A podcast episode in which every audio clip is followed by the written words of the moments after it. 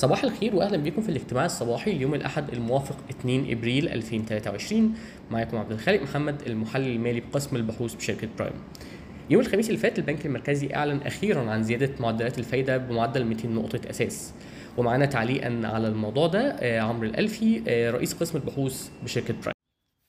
صباح الخير. وأخيرا فعلها البنك المركزي المصري ورفعت لجنة السياسة النقدية أسعار الفايدة ليلة الخميس اللي فات ب 200 نقطة أساس وده متوافق مع توقعاتنا في Prime ومعظم توقعات السوق. إحنا كنا سلطنا الضوء على مبرراتنا لرفع أسعار الفايدة يوم 12 مارس تحت عنوان رحلة مليئه بالمطبات وصباح الخميس اللي فات تحت عنوان متمسكين برأينا. يمكن لحضراتكم طبعا الاطلاع عليها في تقريرنا اليومي بتوقيت Prime. ولكن بعد رفع أسعار الفايدة إحنا شايفين إن المتعاملين في السوق هيبتدوا يتساءلوا ماذا بعد؟ هيحصل إيه بعد كده؟ هل البنك المركزي المصري انتهى من رفع أسعار الفايدة ولا لأ؟ ده بيعتمد في رأينا على مدى فعالية التحركات الأخيرة في السياسة النقدية التشددية من بداية عام 2022 حتى الآن سواء من خلال مضاعفة أسعار الفايدة عن طريق رفع تراكمي ب 10 نقاط مئوية أو رفع نسبة الاحتياطي الإلزامي للبنوك ب 4% ل 18%. خلونا الأول نتفق إن مستويات التضخم المرتفعة الحالية مش مدفوعة بالطلب ولكن بيغذيها لحد كبير دولار قوي يعني تضخم مستورد. ولكن من خلال رفع أسعار الفايدة البنك المركزي بيحاول يتجنب إضافة وقود إلى النار. بمعنى آخر إحنا مش شايفين إن رفع أسعار الفايدة هيؤدي إلى تباطؤ معدلات التضخم. لكننا شايفين إنه هيعمل على احتواء التضخم علشان ما يخرجش عن السيطرة. إحنا نتوقع إن معدلات التضخم توصل ذروتها في مارس وإنها توصل في المتوسط لاكثر من 30% في 2023 ككل. على الجانب الثاني إحنا شايفين إن المستثمرين المحليين وخصوصا البنوك هيكون عندهم اهتمام أكبر بسوق الدين المصري. ليه؟ لأن احتمالية رفع أسعار الفايدة مرة تانية بقت أقل بكتير عن قبل كده. ولكن من المرجح أن المستثمرين الأجانب يستمروا في تجاهلهم لسوق الدين المحلي في مصر واللي هو يعتبر بيدي عائد جيد جدا. لأن مخاطر سعر الصرف ممكن تقلل بسهولة العوائد المرتفعة دي. إحنا غالبا ما بنلاقي المستثمرين الأجانب بيضاعفوا من رهاناتهم بعوائد مرتفعة بالإضافة إلى مكاسب عملة نتيجة قوة العملة المحلية. وده الجزء طبعا اللي ناقصهم. حد يسأل ممكن سعر الصرف هيروح فين دلوقتي؟ السؤال ده يمكن بنشبهه كأنك بتسأل محافظ البنك المركزي هياكل إيه على الفطار النهارده؟ كل واحد ممكن يخمن البنك المركزي المصري هيعمل إيه في سعر الصرف. لكن السيناريو الأساسي الخاص بينا للجنيه المصري هو ارتفاع أكتر لسعر الصرف ولكن تدريجي عشان يوصل ل 32 جنيه ونص لكل دولار بنهاية الربع الثاني 2023 قبل ما ينخفض مرة أخرى ل 30 جنيه للدولار الواحد بنهاية 2023 وده هيكون مدفوع بالاستثمارات الأجنبية المباشرة من دول مجلس التعاون الخليجي في بعض الشركات المملوكة للدولة اللي بيزيد عددها عن 32 شركة وهي متاحة للبيع. طب ده معناه إن إحنا ما نتوقعش انخفاض ثالث في العملة بنسبة من رقمين زي ما شفنا يوم 21 مارس 2022 و 27 أكتوبر 2022 الحقيقة إحنا شايفين إن كل شيء مطروح ولكننا مش شايفين إن خفض تاني للعملة بنسبة كبيرة من رقمين هيفي بالغرض. إحنا كأننا بالفعل موجودين على منحنى عرض عمودي للدولار الأمريكي فارتفاع السعر مش هيزود المعروض. إحنا لحد دلوقتي شايفين إن السياسة النقدية أدت دورها بما يكفي بالفعل وفي رأينا الأمر دلوقتي متروك لبدء تنفيذ السياسة المالية بمعنى آخر إحنا شايفين إن الوقت قد حان علشان نحول الأقوال لأفعال ونبدأ تنفيذ برنامج الطروحات الحكومية المرتقبة بجدية. شكرا جزيلا. شكرا عمرو الألفي وبالنسبة لبقية الأخبار ال macro فمعانا كمان خبر عن إن مترو أبو قير هيتم الإعلان عن المناقصة الفائزة بالبناء بتاعة المشروع خلال نص شهر إبريل.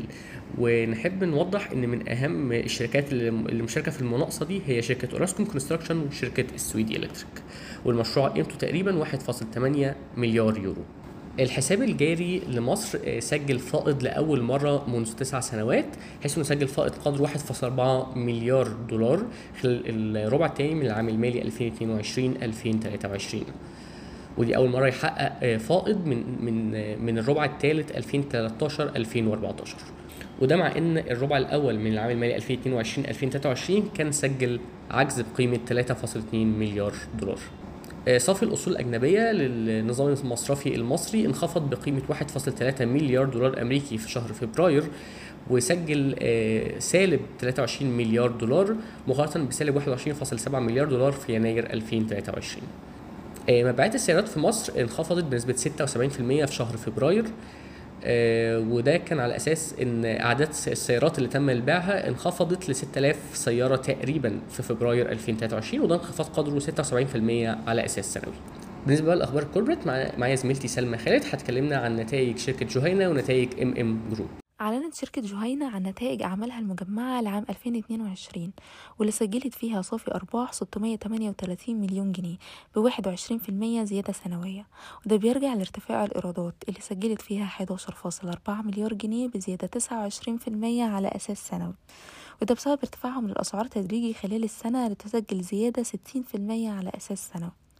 في الوقت نفسه هامش مجمل الربح قل بثلاث نقاط مئوية على أساس سنوي ليسجل ستة وعشرين في المية وده بسبب الزيادة المستمرة في الأسعار العالمية لمدخلات الإنتاج ومواد التعبئة والتغليف وكمان تباطؤ حركة سلاسل التوريد العالمية وكمان انخفاض قيمة الجنيه المصري.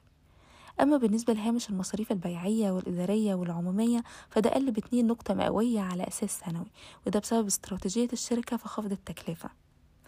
أما بالنسبة بقى للربع الرابع على 2022 فزاد صافي أرباح الشركة ب 353% على أساس سنوي.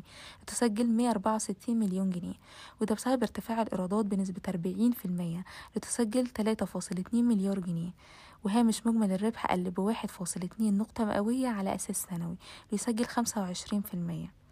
أما بالنسبة للمصاريف البيعية والإدارية والعمومية كنسبة من الإيرادات فدي قلت بخمس نقاط مئوية لتسجل 13% على أساس سنوي وكمان عندنا شركة أم أم جروب أعلنت عن نتائج أعمالها المجمعة لعام 2022 واللي سجلت فيها صافي أرباح 343 مليون جنيه بانخفاض 7% على أساس سنوي وده بيرجع لانخفاض الإيرادات بنسبة 23% على أساس سنوي لتسجل 6.9 مليار جنيه. أما بالنسبة لهامش مجمل الربح فزاد واحد نقطة مئوية على أساس سنوي ليسجل 12% أما بالنسبة للربع الرابع ل 2022 فصافي الأرباح زاد ب 218% على أساس سنوي ليسجل 127 مليون جنيه.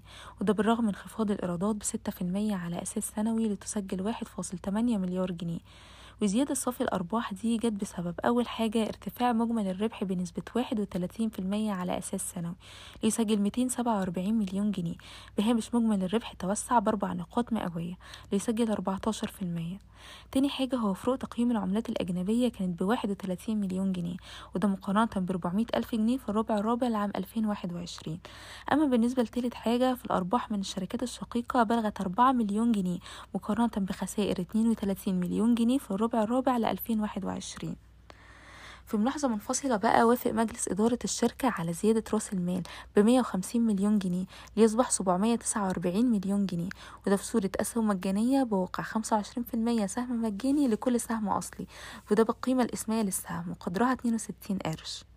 وكمان الشركة وافقت إنها تساهم في زيادة رأس مال شركة بساطة المالية القابضة بواحد وتلاتين مليون جنيه لتصبح حتى حد المساهمة مية ستة وخمسين مليون جنيه والإم إم جروب عندها عندها فيها حصة بتبلغ خمسين فاصل تسعة في المية. آه شكرا يا سلمى. وبالنسبة لآخر خبرين بقى معانا النهارده هو إن شركة الأصباغ الوطنية رفعت عرضها لشراء لحد 100% من أسهم شركة آه، البويات والصناعات الكيماوية أو المعروفة أكثر بباكين آه، ورفعت سعرها لحد 37 جنيه و75 قرش للسهم الواحد وده أعلى من عرضها اللي فات اللي كان بقيمة 36 جنيه وكمان أعلى من عرض شركة Eagle Chemicals اللي حاليا اللي حاليا عند 37 جنيه فقط. وبعض المصادر الإخبارية برضو كانت إعلنت إن إحنا من المتوقع إن إحنا نشوف شركة Compass Capital بتقدم عرض جديد خلال الأسبوع. آخر خبر معانا النهارده هو إن مجلس إدارة شركة ماكرو آه، وافق على توزيع أرباح نقدية بقيمة تقريبا 10 آه، قروش للسهم الواحد وده اللي بيدينا عائد توزيعات قدره 3% شكرا لاستماعكم للاجتماع الصباحي وصباح الخير.